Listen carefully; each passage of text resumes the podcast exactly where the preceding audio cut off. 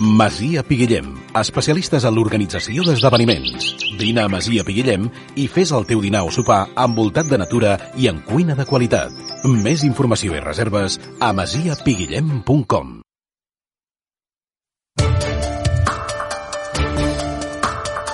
L'economia, la salut, el benestar, la vida social, la solidaritat estan en el punt de mira. En el punt de mira és un programa per tractar en profunditat totes aquelles qüestions que ens envolten. En el punt de mira, un programa d'entrevistes amb Josep Lluís Navarro. Bon dia, radioients. Avui parlarem d'un fet transcendental que malauradament afecta la nostra societat, el suïcidi. Què pot abocar a una persona a prendre una decisió irrevocable com aquesta? És un fet egoista o d'una valentia extrema? Tothom, en algun moment de la seva vida, ha pogut pensar-hi? Existeix un perfil psicològic que defineixi a les persones amb aquest potencial risc? Es pot preveure? La pandèmia ha fet assolir el rècord històric. Existeixen, doncs, polítiques de salut adequades per donar solució a aquest problema? Per tal de resoldre dubtes i afegir una mica de llum a aquesta greu problemàtica que ens afecta, tinc el plaer de presentar-vos al professor Joan Roa Nativitat, professor associat de l'àrea de coneixement de Psicologia Social i del Departament de Psicologia de la, Uni de la Universitat de Girona i membre i formador de l'Associació de Prevenció del Suïcidi i Acompanyament al Supervivent. Bon dia, senyor Roa. Joan, és un plaer tenir-lo aquí a Radio Lot. Hola, bon dia. El plaer és meu. Gràcies per, per convidar-me. Eh, escolta'm, Joan, tal, com dèiem a l'editorial, l'any 2020 ha marcat un rècord històric en el número de suïcidis a nivell, a nivell nacional, amb pràcticament 4.000 persones afectades, o, o el que és el mateix, 11 cada dia, i si volem ser una mica més durs, en podríem dir que hi ha un afectat cada dues hores i quart. Què en podem dir? Doncs em poder dir això, que, que ha estat un any rècord, eh, desgraciadament, no? Eh, ha estat un any rècord, és l'any en el, des de que es fan registres de, del nombre de suïcidis a nivell de tot l'estat espanyol, doncs l'any amb més morts per, per suïcidi. De fet, suposa un increment respecte al 2019 del 7,4%, i, i a més, i, i, i, i això, doncs, doncs, si vols anar aprofundirem, doncs, ha incidit també de manera especial, sobretot amb els col·lectius més vulnerables o col·lectius de risc, i també a nivell de gènere ha tingut unes, una, algunes particulars, com per exemple que s'ha incrementat més amb les dones. No? Uh, si agafem el total de les xifres, doncs, doncs en general es produeixen més morts per suïcidi en homes, però s'ha incrementat més en aquest 2020 en, en dones. No? També ha tingut un comportament irregular durant els mesos de 2020, Argentina, els primers mesos de confinament més estricte més dur, hi va haver una contenció de les xifres, però després, a partir sobretot del, del juny i especialment la segona part de l'any, doncs va haver un efecte així bastant podem dir rebote, no? i es van incrementar de forma, de forma important. No? En mesos com agost es va incrementar un 34% respecte al registre de l'any anterior. No? Uh, estem parlant de que és la principal causa de mort no natural i que, i que és la primera vegada també en 2020 tenim dades eh, així com una mica, per dir-ho d'alguna forma, anecdòtiques, no? que és la primera vegada on tenim 14 suïcidis en menors de 15 anys i aquesta és una dada que tampoc teníem fins al moment. No? I a tot això estem parlant de morts per suïcidi, però cal sumar que al darrere doncs, hi ha intents de suïcidi que no acaben amb mort per suïcidi, eh, afortunadament, i també hi ha el que es diu la ideació suïcida, no? que és com el pas previ, no? quan la persona comença a pensar en, en aquestes idees de suïcidi i, i fins i tot en planificar com ho farà. No? Estem parlant d'aproximadament, s'estima que hi ha uns 80.000 intents a l'estat espanyol a l'any, no? de, i, i aquests doncs, han anat incrementant en els últims anys. Déu nhi déu unes dades eh, esgarrifoses. Escolta'm, com, com deies, Joan, és la primera causa de mort no natural, tant amb adults com amb, com amb població juvenil jo no voldria ara frivolitzar i evidentment no és la intenció, eh? però tri sí. triplica, les morts les triplica els accidents de, de trànsit, 14 cops més que els homicidis violents, 90 cops més que la violència de gènere.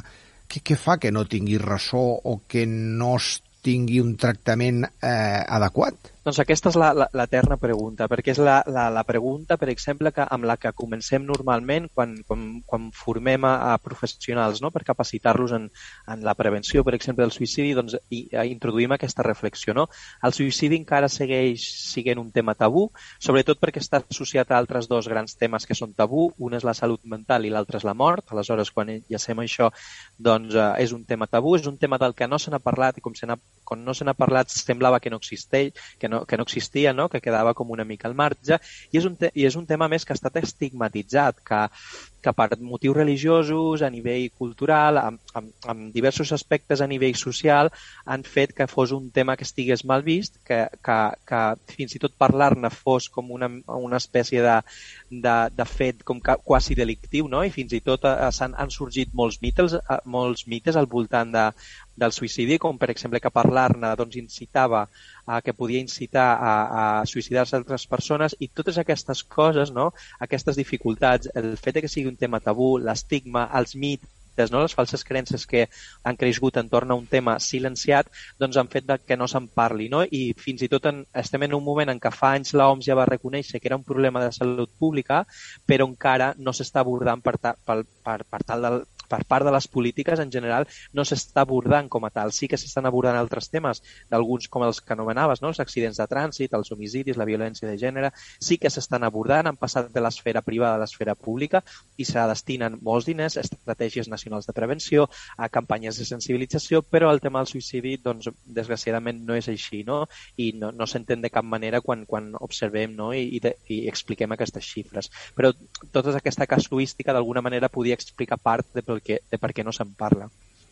Perquè, com dèiem a l'editorial, eh, tothom en un moment determinat de la vida ha pogut passar o podrem passar per una fase amb la que, no diguem, pensem en suïcidar-nos, però puguem valorar-ho?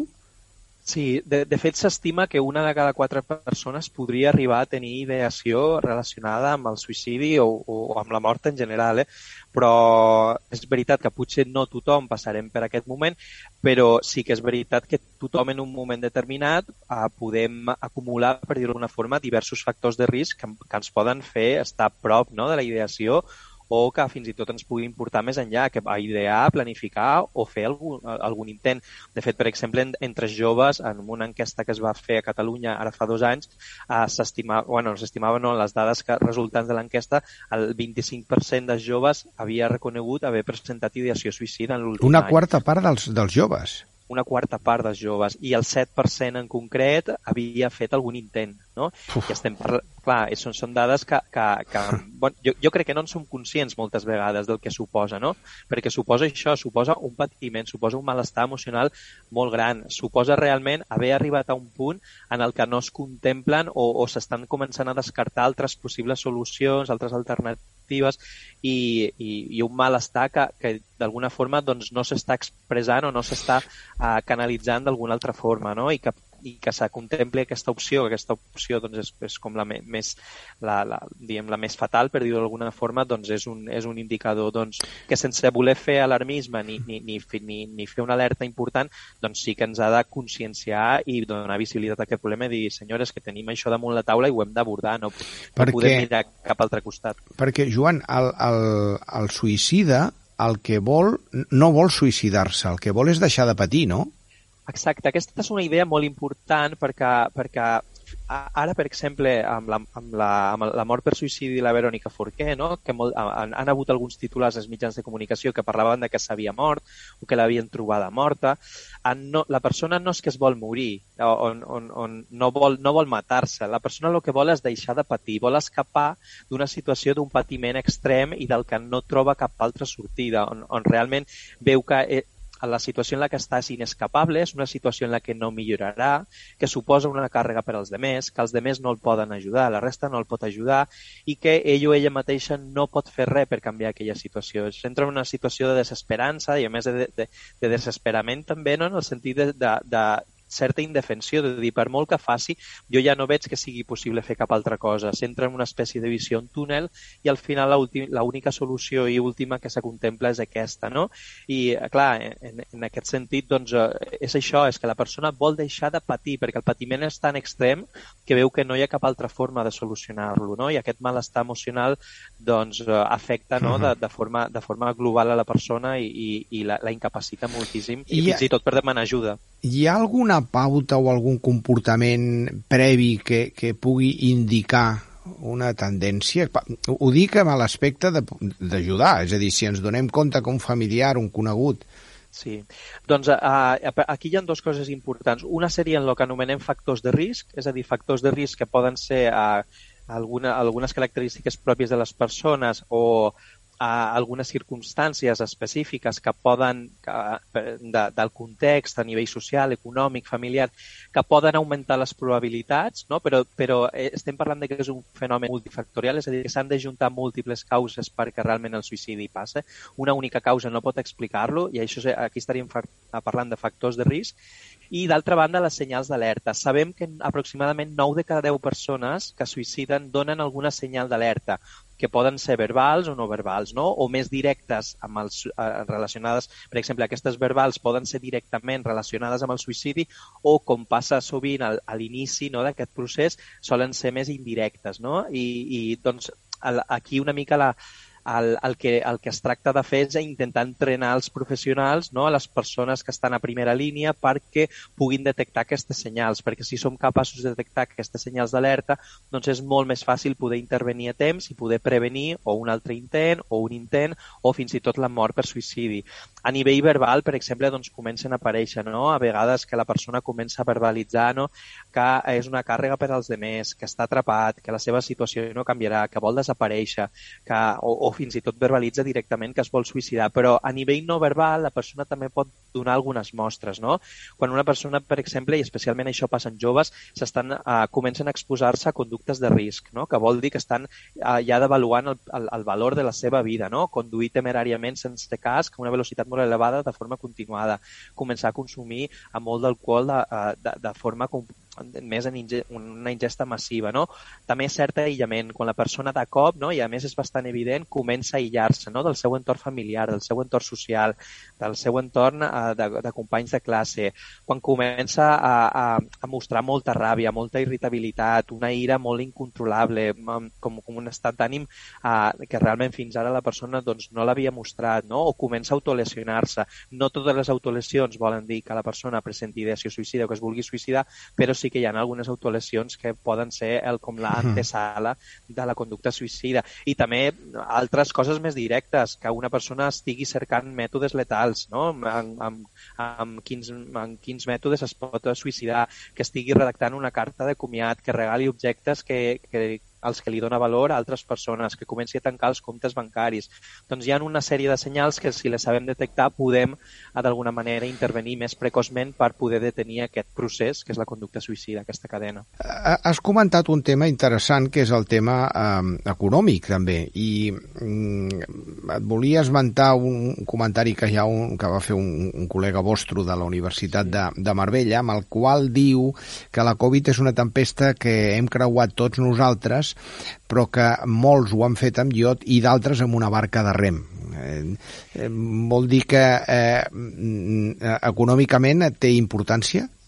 Sí, uh, jo estic totalment d'acord amb aquest aquesta frase perquè més evidencia, no és la metàfora perfecta del que ha passat. Com com deia a l'inici, especialment aquest augment de, de conducta suïcida ha, ha, ha afectat especialment els col·lectius més vulnerables, aquells que tenien ja una xarxa de suport, diguem, menys extensa, no? que era eh, una situació social o econòmica doncs, més desafavorida, que han, han viscut el confinament doncs, en circumstàncies més complicades que d'altres persones, que ja patien el, el, el, potser alguna situació no? relacionada relacionada amb la salut mental o amb el malestar emocional en general i que la Covid doncs, ha acabat de fer aflorar aquell problema o, o l'ha greujat, no? i aleshores ha afectat especialment aquells col·lectius que d'alguna manera doncs, eh, doncs ja tenien menys recursos, ja no sols a nivell econòmic, eh, sinó a nivell social, no? o famílies potser que podien contenir menys aquestes situacions, o persones deslligades del sistema educatiu, no? que doncs, el sistema educatiu proporciona doncs,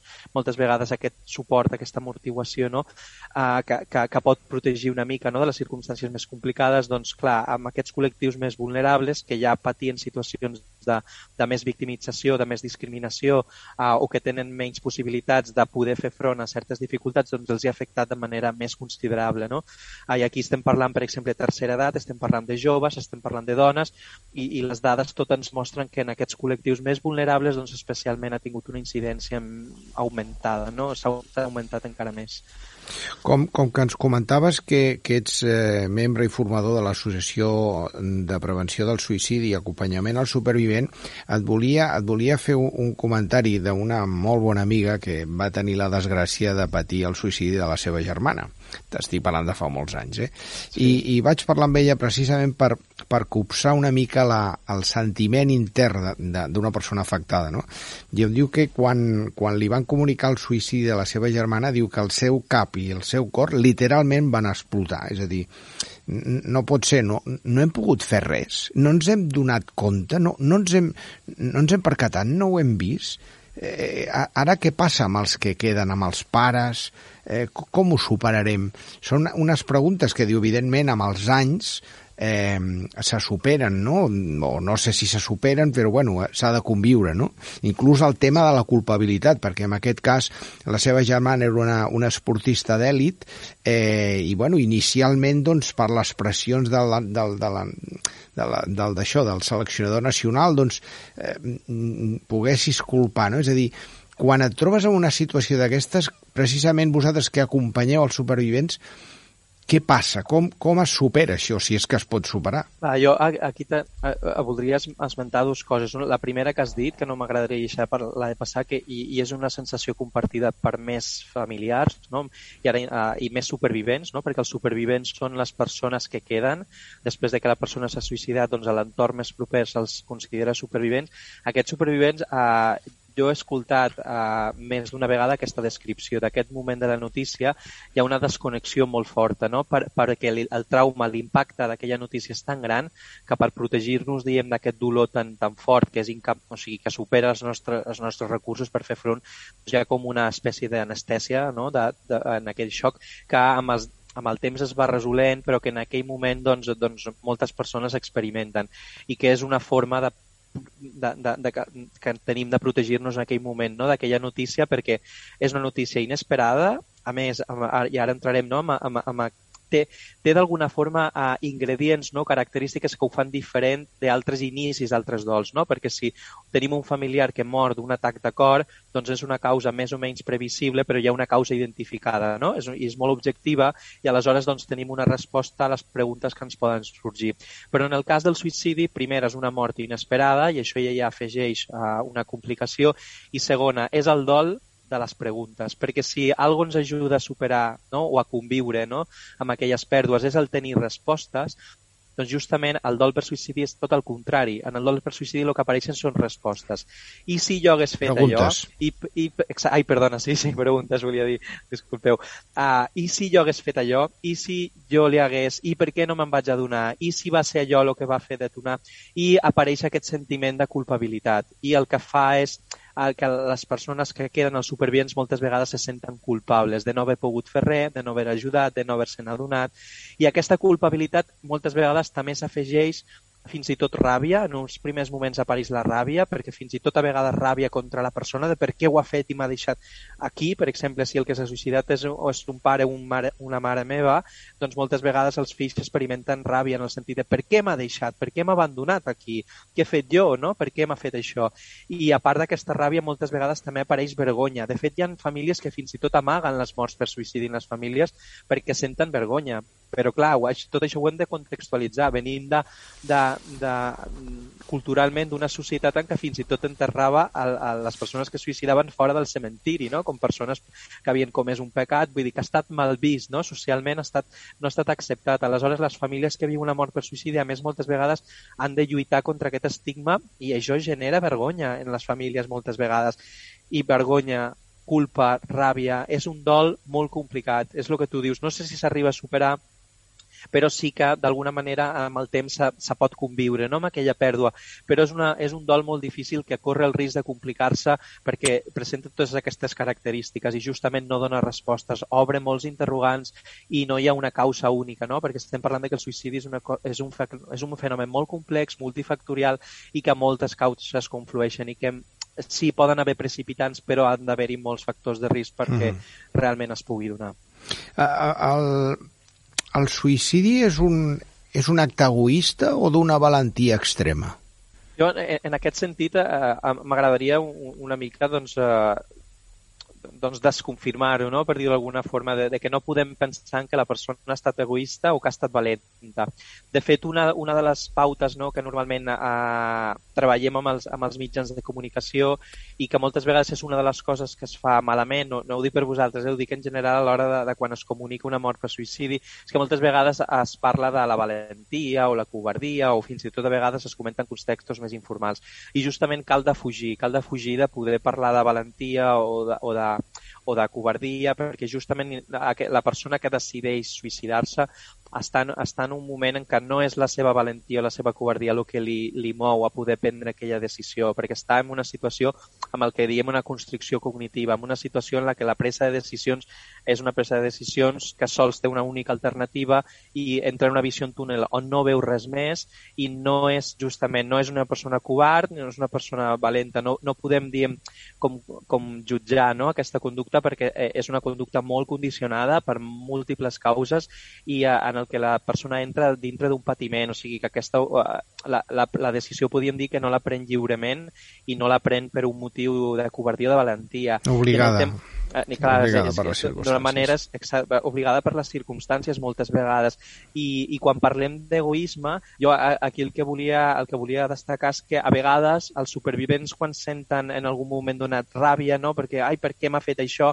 Podrien arribar a parlar d'egoisme, però justament és el mateix que he explicat per la valentia i per la covardia. La persona en aquell moment no és que sigui egoista, és que no, no pot pensar ni d'una manera egoista ni no egoista, sinó que la, que la presa de decisions està tan condicionada, és a dir, la seva visió està tan entelada per aquella desesperança, aquella visió negativa d'un mateix, dels demés, del futur, de veure que el futur serà igual o pitjor, que, que, no, que no entren aquests elements. No, no podem qualificar-la d'egoista, ni de valenta, ni de covarda.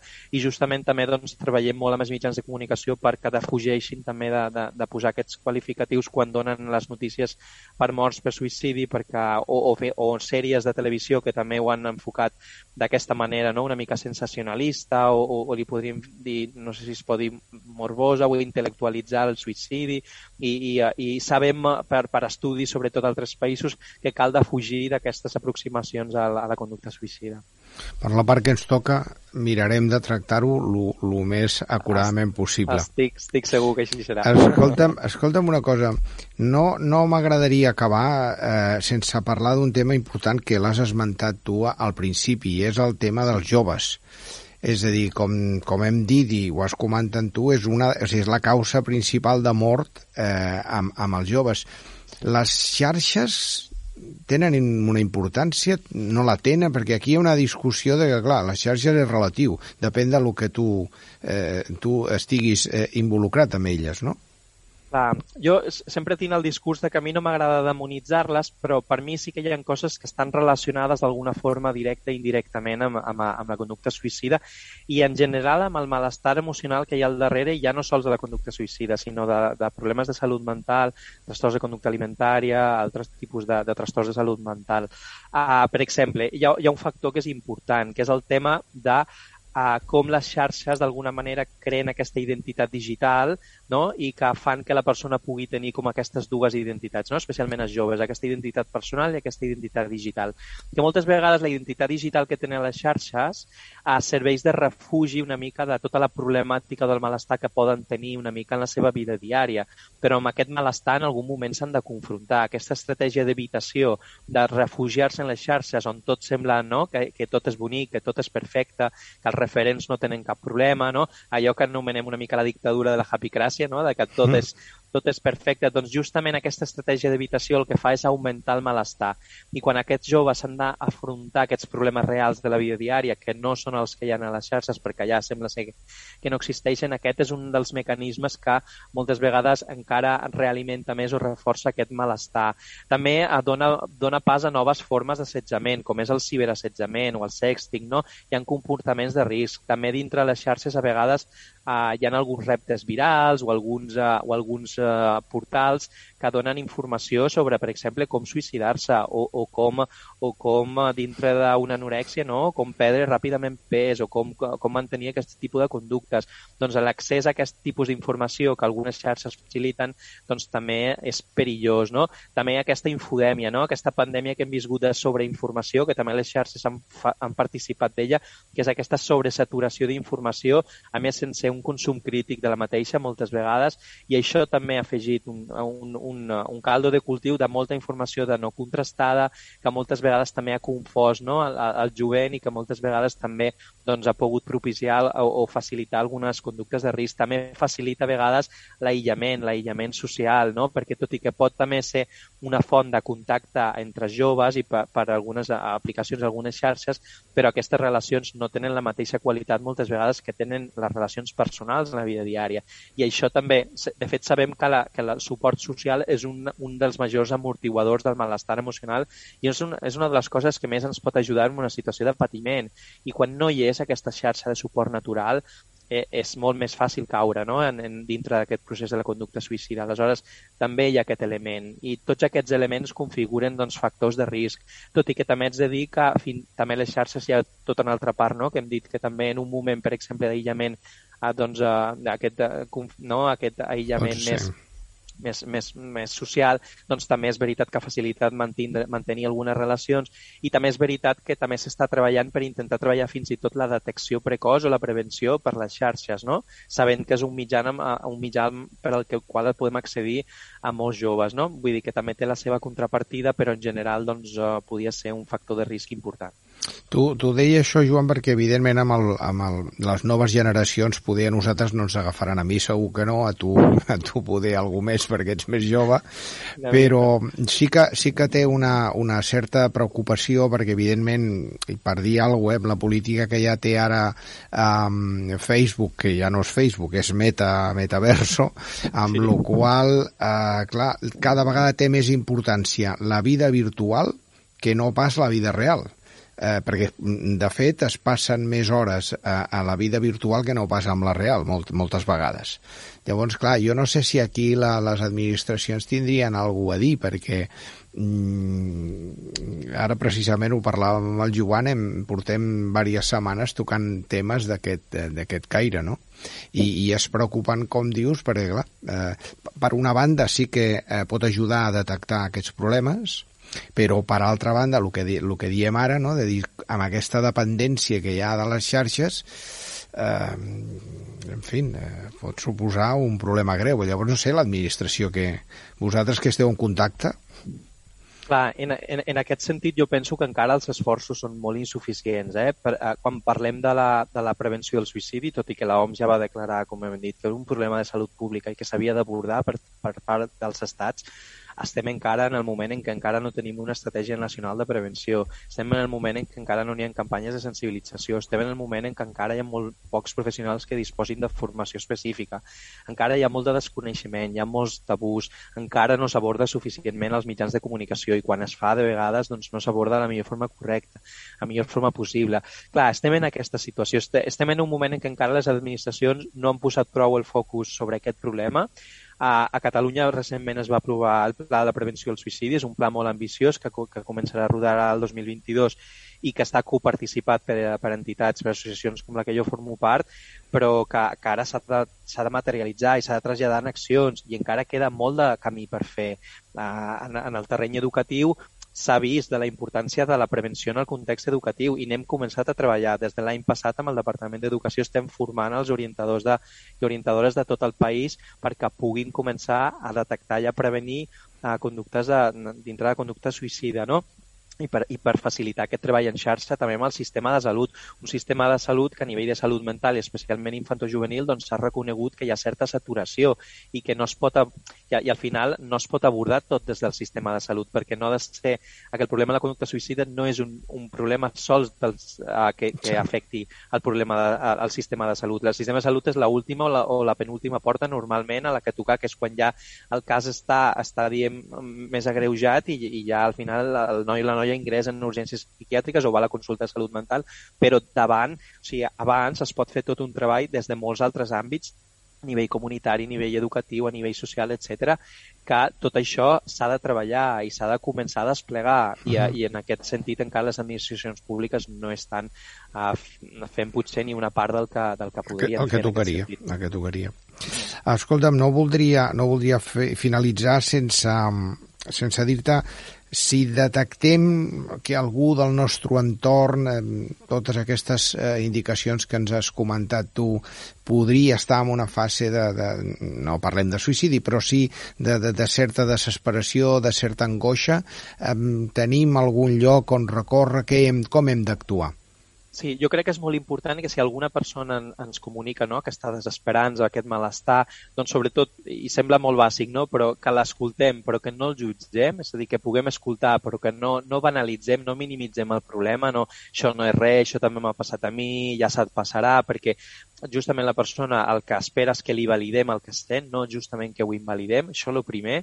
Segona, hem de, amb aquesta persona, doncs, a donar-li aquest espai perquè pugui no, a parlar-ho i perquè en algun moment donat, si vol tornar-ne a parlar, doncs ho pugui fer i que mostrar-nos disponibles i que sàpigui que nosaltres doncs, hi som allà. Hem de guanyar temps amb aquesta persona, és a dir, hem de, hem de poder veure de, de quina forma, doncs, si vol prendre alguna decisió en algun moment, de si realment veiem que la situació, situació està empitjorant, doncs, que de moment doncs, eh, doncs que, no, que, que no prengui cap decisió no? Una mica d'alguna forma poder ajudar-la a que en aquell moment doncs, posposi uh, les coses que, que, que vol potser decidir o que, o que vol fer i també, uh, sobretot, animar-la a veure com el podem acompanyar a buscar, a buscar ajut, no?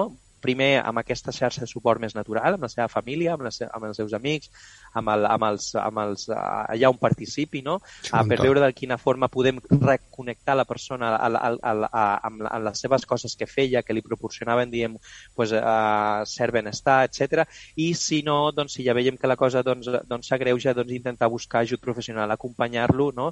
I que d'alguna forma doncs, doncs, uh, vegi uh, que, eh, que és important que pugui demanar ajut i que sàpiga que hi ha recursos i que hi ha persones que el poden ajudar no? i que el podem acompanyar i que nosaltres hi estarem, hi estarem disponibles. I sobretot preguntar directament, que no ens faci por preguntar directament si la persona ha tingut idees de suïcidi, de suïcidi si, si, ho, ha, si, si ho ha intentat, sí, perquè, perquè no passa res. Justament quan parlem amb una persona directament d'això, el que fem és reduir el risc, al contrari del que es pensava. Tot el contrari, efectivament, perquè tot sempre s'havia esmentat, de, no diem res perquè eh, incites, jo, jo, jo entenc que és un tema que ens pot, ens pot generar cert respecte, però tot i això hem d'abordar-lo i hem de preguntar el més directament possible. Perfecte. Doncs eh, per acabar voldria, voldria facilitar a la gent que ens escolta doncs, els telèfons de l'Associació Catalana de la Prevenció al Suïcidi que és el 652 873 826 i el telèfon també del Després del Suïcidi Associació de Supervivents, que és el 662 545 199. Um, no cal dir que si algú té alguna necessitat específica, aquí a Radio Lot li podrem facilitar aquests números amb, amb més detall. Uh, moltes mercès, professor Joan Roa. Ha sigut una estona magnífica amb l'aspecte que ens has informat, ens has donat unes pautes valiosíssimes per actuar amb aquests entorns i, i l'ho dit, moltíssimes gràcies per la teva participació. Gràcies a vosaltres, ha estat un plaer poder, poder estar aquí i, i a disposar per al que calgui. En el punt de mira, un programa d'entrevistes amb Josep Lluís Navarro, Ràdio Olot. Ara i sempre som actualitat.